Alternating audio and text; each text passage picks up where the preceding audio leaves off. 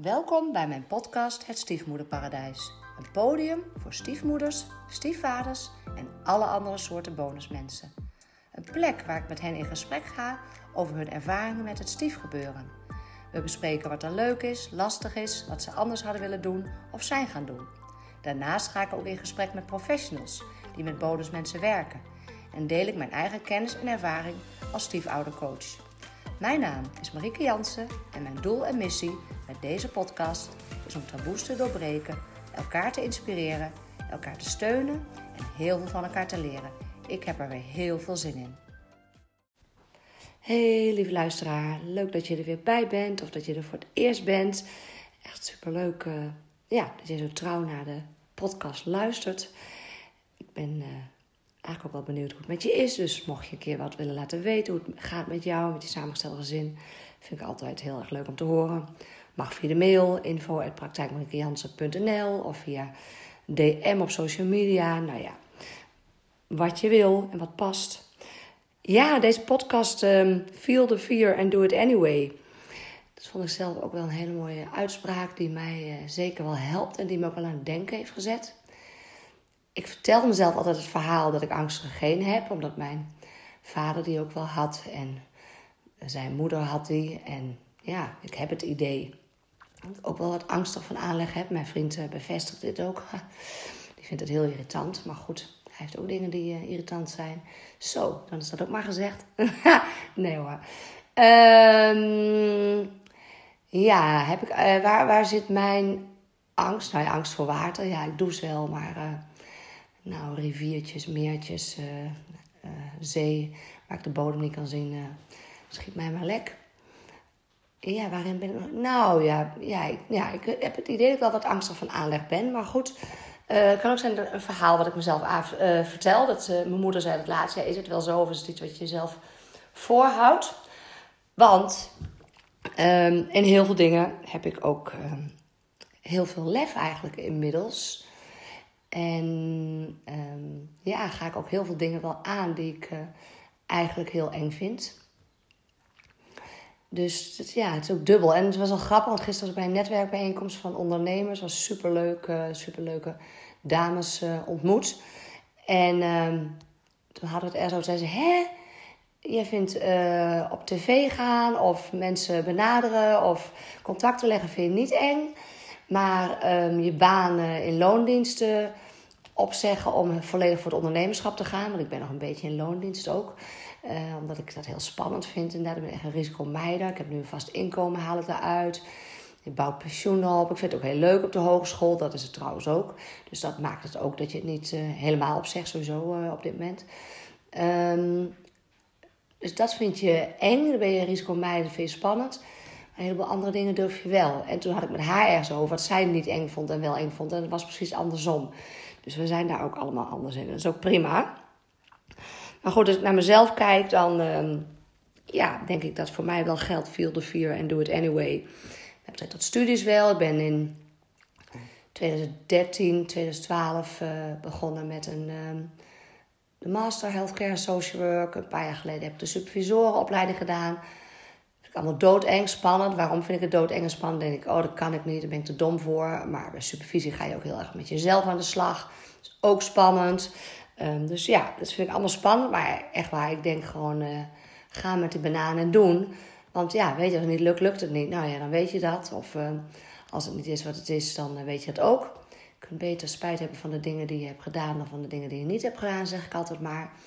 Dus studies. Ja, mijn scheiding was natuurlijk ook veel te vier en do it anyway. En ik weet nog, dat was zo intens. Inderdaad, want mijn vader overleed. Ze was vijf en een half week ziek. Uh, kanker inderdaad en dood. En um, ja, dat zeg ik altijd een beetje flauw. Hè.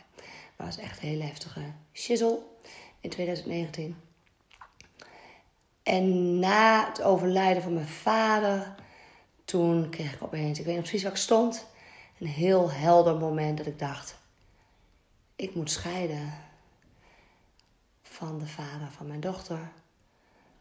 Ik voel nu nog. Uh, maar goed, hij was ook heel ziek, hè. Um, maar goed, ik voel. En de, een maffe was wel dat zo'n overlijden. Ik weet nog wel dat ik dacht van, ja, weet je, voel nu al zoveel pijn en verdriet en ellende door het overlijden van mijn vader. Ik dacht, nou ja, ik kan beter deze pijn en ellende nu erbij nemen. Ja, dat klinkt echt erg. Maar zo, was, zo rationeel was het natuurlijk niet. Hè? Maar ik kan beter deze pijn en ellende nu bijnemen. Want het doet toch al pijn. Anders heb ik de pijn en ellende later. Maar goed, er waren natuurlijk ook genoeg redenen om uit elkaar te gaan. Eh. En ik denk ook dat het uh, goed is geweest. Hoewel het nog steeds moeilijk is. Uh, schuldgevoel naar mijn dochter en naar hem ook. Um, ja, feel the fear and do it anyway. Nou, de scheiding dus inderdaad. bloedje spannend. Maar ik wist ook wel, ik kan dit op een of andere manier. Maar ook vriendschappen bespreekbaar maken. Ik ben op dit moment wel... Um, oh, mijn koffiezetapparaat gaat spoelen. Eén moment. Ja, dat kennen jullie van mij, hè? Hele naturele podcast. Vriendschappen bespreken. Ik eh, stel mezelf regelmatig de vraag: waar ga ik mee stoppen? En dat kan alles zijn, hè? Het kan ook zijn chocola vreten, cappuccino's drinken. Uh, waar ga ik mee stoppen? Stel ik mezelf regelmatig die vraag. Het is echt enorm uh, helpend om je leven een beetje op te schonen en bezig te zijn met waar je echt mee bezig wil zijn. En ik heb het ook met vriendschappen. Dat ik denk, ja, um, wat vind ik van deze vriendschap? Levert het mij op wat ik wil dat het oplevert? Dan vraag ik me ook af, levert het de ander wat op? Maar goed, er zijn de ander natuurlijk om dat te beslissen. Hè? En laatst had ik ook een vriendschap. was echt een van mijn uh, besties. En uh, ik dacht, ja, ik weet eigenlijk niet zo goed of ik zonder haar wil. Maar hoe de vriendschap nu is, weet ik ook niet. We zagen elkaar een paar keer per jaar. Dat is echt fantastisch. We hebben super uh, diepgaande, diepzinnige gesprekken en heel veel lol. Um, en tussendoor hebben we weinig contact. En ik merk gewoon dat ik zoveel om haar geef. Dat ik dan denk, hoe gaat het met je? Gaat het wel goed? En moet ik iets voor je doen?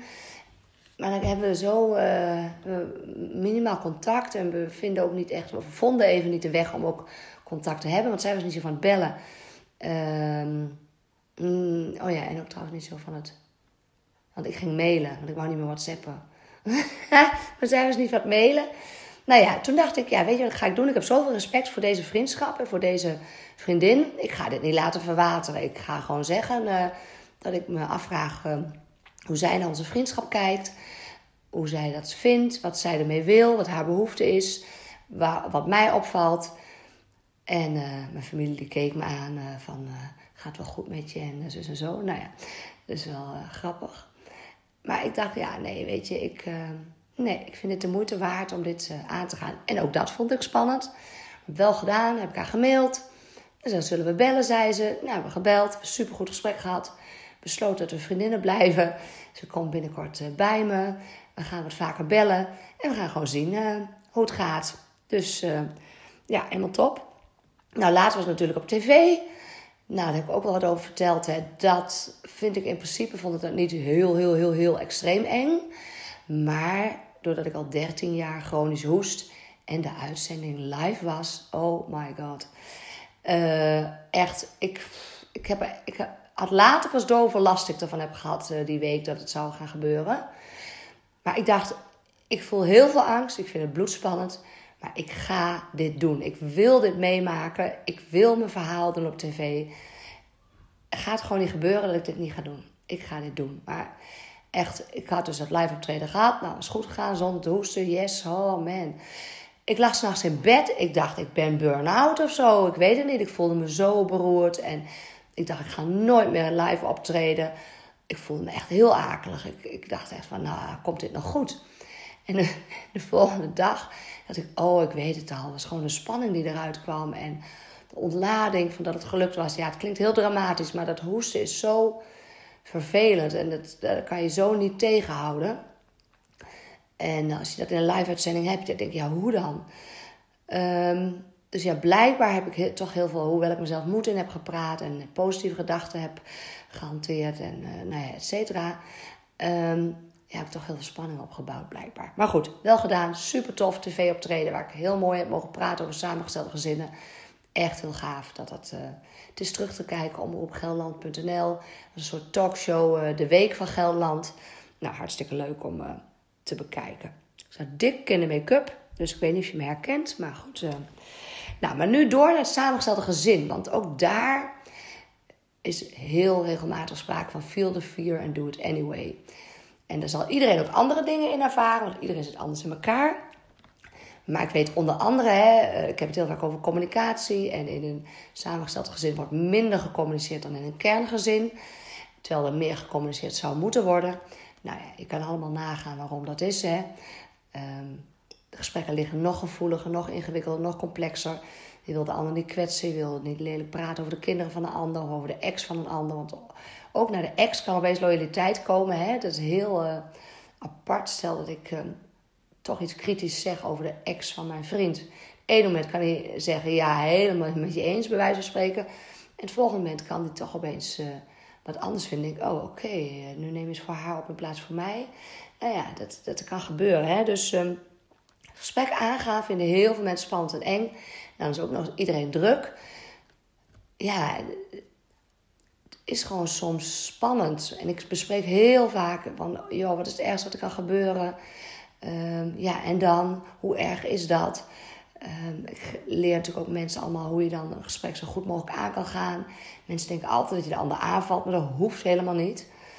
Dus, um, en ik zeg ook vaak, oh joh, dat blijkt zo vaak. Als je het gesprek aan bent gegaan, zul je zien dat het reuze meevalt en dat je alleen maar tien stappen verder komt met elkaar. Maar bijvoorbeeld ook het kennismaken met de biologische moeder of met de bonusmoeder, andersom. Dat laten volgens mij toch echt heel veel vrouwen uh, toch liggen. Um, omdat, um, omdat ze het spannend en eng vinden. Oh, kijk, dan gaat mijn dochter aanbellen. Ik had nog willen zeggen, doe dat nou niet, want ik ben even bezig. Maar ik ga even zeggen dat dat even niet kan. Dus ik loop even naar de deur. Jullie krijgen het mee. Jolijn, kan even niet. Ik ben even podcast aan het opnemen. Vijf minuutjes nog. Oké. Okay. Op mijn kamer. Nou, leuk hè. Ik heb je haar meegekregen op mijn kamer, Gilse. Um, even kijken. Uh, ja, die kennismaking met die biomoeder, bonusmoeder. Het gaan toch heel veel vrouwen uit de weg. Stellen het uit. En juist uitstellen is uh, niet slim, tenzij je daar een goede reden voor hebt. Hè? Maar uitstellen is niet slim. Want als dan al bijvoorbeeld dingetjes een keer niet lekker gaan, dan ga je al een negatief beeld van die ander creëren. En dan durf je helemaal niet meer kennis te gaan maken. Dus ik raad altijd iedereen, in principe is het uitgangspunt, ga gewoon kennis maken met elkaar. Um, ga een kopje, en je hoeft niet uren, uh, je hoeft niet uh, af te spreken om een hele middag iets te gaan doen. Ga gewoon even een kopje thee drinken, kan ook op neutraal terrein. Ja, waar kun je het over hebben? Nou, weet je wat ik eigenlijk altijd wel een hele mooie vraag vind van de bonusmoeder en de biomoeder bijvoorbeeld? Gewoon wat hoop je of wens je voor je kinderen? Wat vind je belangrijk in de opvoeding? Nou ja, je kan als biomoeder ook aan de bonusmoeder vragen van, goh, uh, ja, hoe zie je jezelf? Hoe zie je jouw rol? Wat zou je prettig vinden? Uh, hoe denk je er nu over? Hoe kijk je naar opvoeden als ik dat vragen mag? Nou ja, et cetera. Soms kiezen mensen ook de toon, dan kiest de biomoeder de toon van, ja, hallo, kunnen we kennis maken, want ik wil wel weten wie er met mijn kinderen uh, in de weer is ja, pas ook even op. Het, uh, groot gelijk, hè? terecht, helemaal. Zou ik ook willen weten, helemaal, helemaal terecht. Maar pas even op dat het niet um, achterdochtig klinkt of uh, vanuit een negatieve insteek klinkt. Want dan zet je meteen de toon. Maar dus, nou ja, dat. Um, ja, wel of niet gaan latten als je samen woont.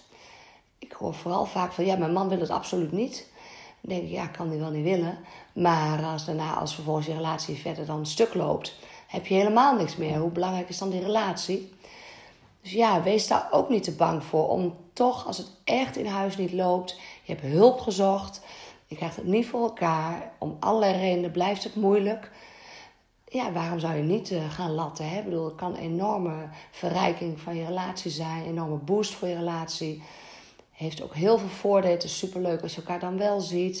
Je hebt je eigen plekje. Je kan je eigen kinderen op je eigen manier opvoeden. Dus uh, ja, wees daar niet te bang voor. Nou, en als laatste, dan kunnen honderd thema's kiezen, hè. Maar voor je kind kiezen. Ik zie best wel vaak ook uh, op de social media platformen dat er van allerlei rare dingen gebeuren uh, in het samengestelde gezin. En dat moeders en vaders dan wel zeggen van... Uh, goh, ik zou wel... Um, ik vind eigenlijk dit niet kunnen voor mijn kind. Ik vind het schadelijk voor mijn kind. Ik vind het niet goed voor mijn kind. Maar ik snap ook je relatie uh, on hold zetten of gaan latten. is een hele moeilijke keus. Um, maar ja, het belang van je kinderen staat wel altijd voorop. En ehm, dat is wel belangrijk om daar ehm, voor te gaan. En echt goed voor je kinderen te zorgen, die verantwoordelijkheid te nemen. Ze niet beschadigd te, te laten raken. Dus voor je kind kiezen is wel belangrijk. Nou, ik ga hem voor nu uh, afronden. Feel the fear and do it anyway. Ik hoor super graag wanneer jij dit toepast. Wat, wat jij hebt gedaan, wat super spannend was, maar wat je toch gedaan hebt. En uh, ik wens je een super fijne dag. Lieve groetjes, Marike. Wil je meer weten over samengestelde gezinnen? Download dan mijn gratis e-book Eerste hulp bij je stiefgezin. Zie de link in de notities bij deze aflevering. En wil je één ding voor mij doen? Een review achterlaten om te laten weten wat je vindt van deze podcast. Dit is namelijk super simpel. Op Spotify kan dit bij de drie horizontale puntjes bij de podcast. En op iTunes kan dit bij de button beoordelingen en recensies. Heel erg bedankt. Ken jij mensen die ook profijt kunnen hebben van deze podcast? Deel hem dan gerust. Ook dit kan heel simpel via Spotify en iTunes. Ken je mensen die de gast willen zijn of wil je zelf de gast zijn? Stuur me dan een bericht. Info Een DM op social media mag natuurlijk ook. En wil je nooit meer een aflevering missen? Abonneer je dan op de podcast. Ook dit is wederom heel simpel. Je krijgt elke keer een seintje als er een nieuwe podcast online staat.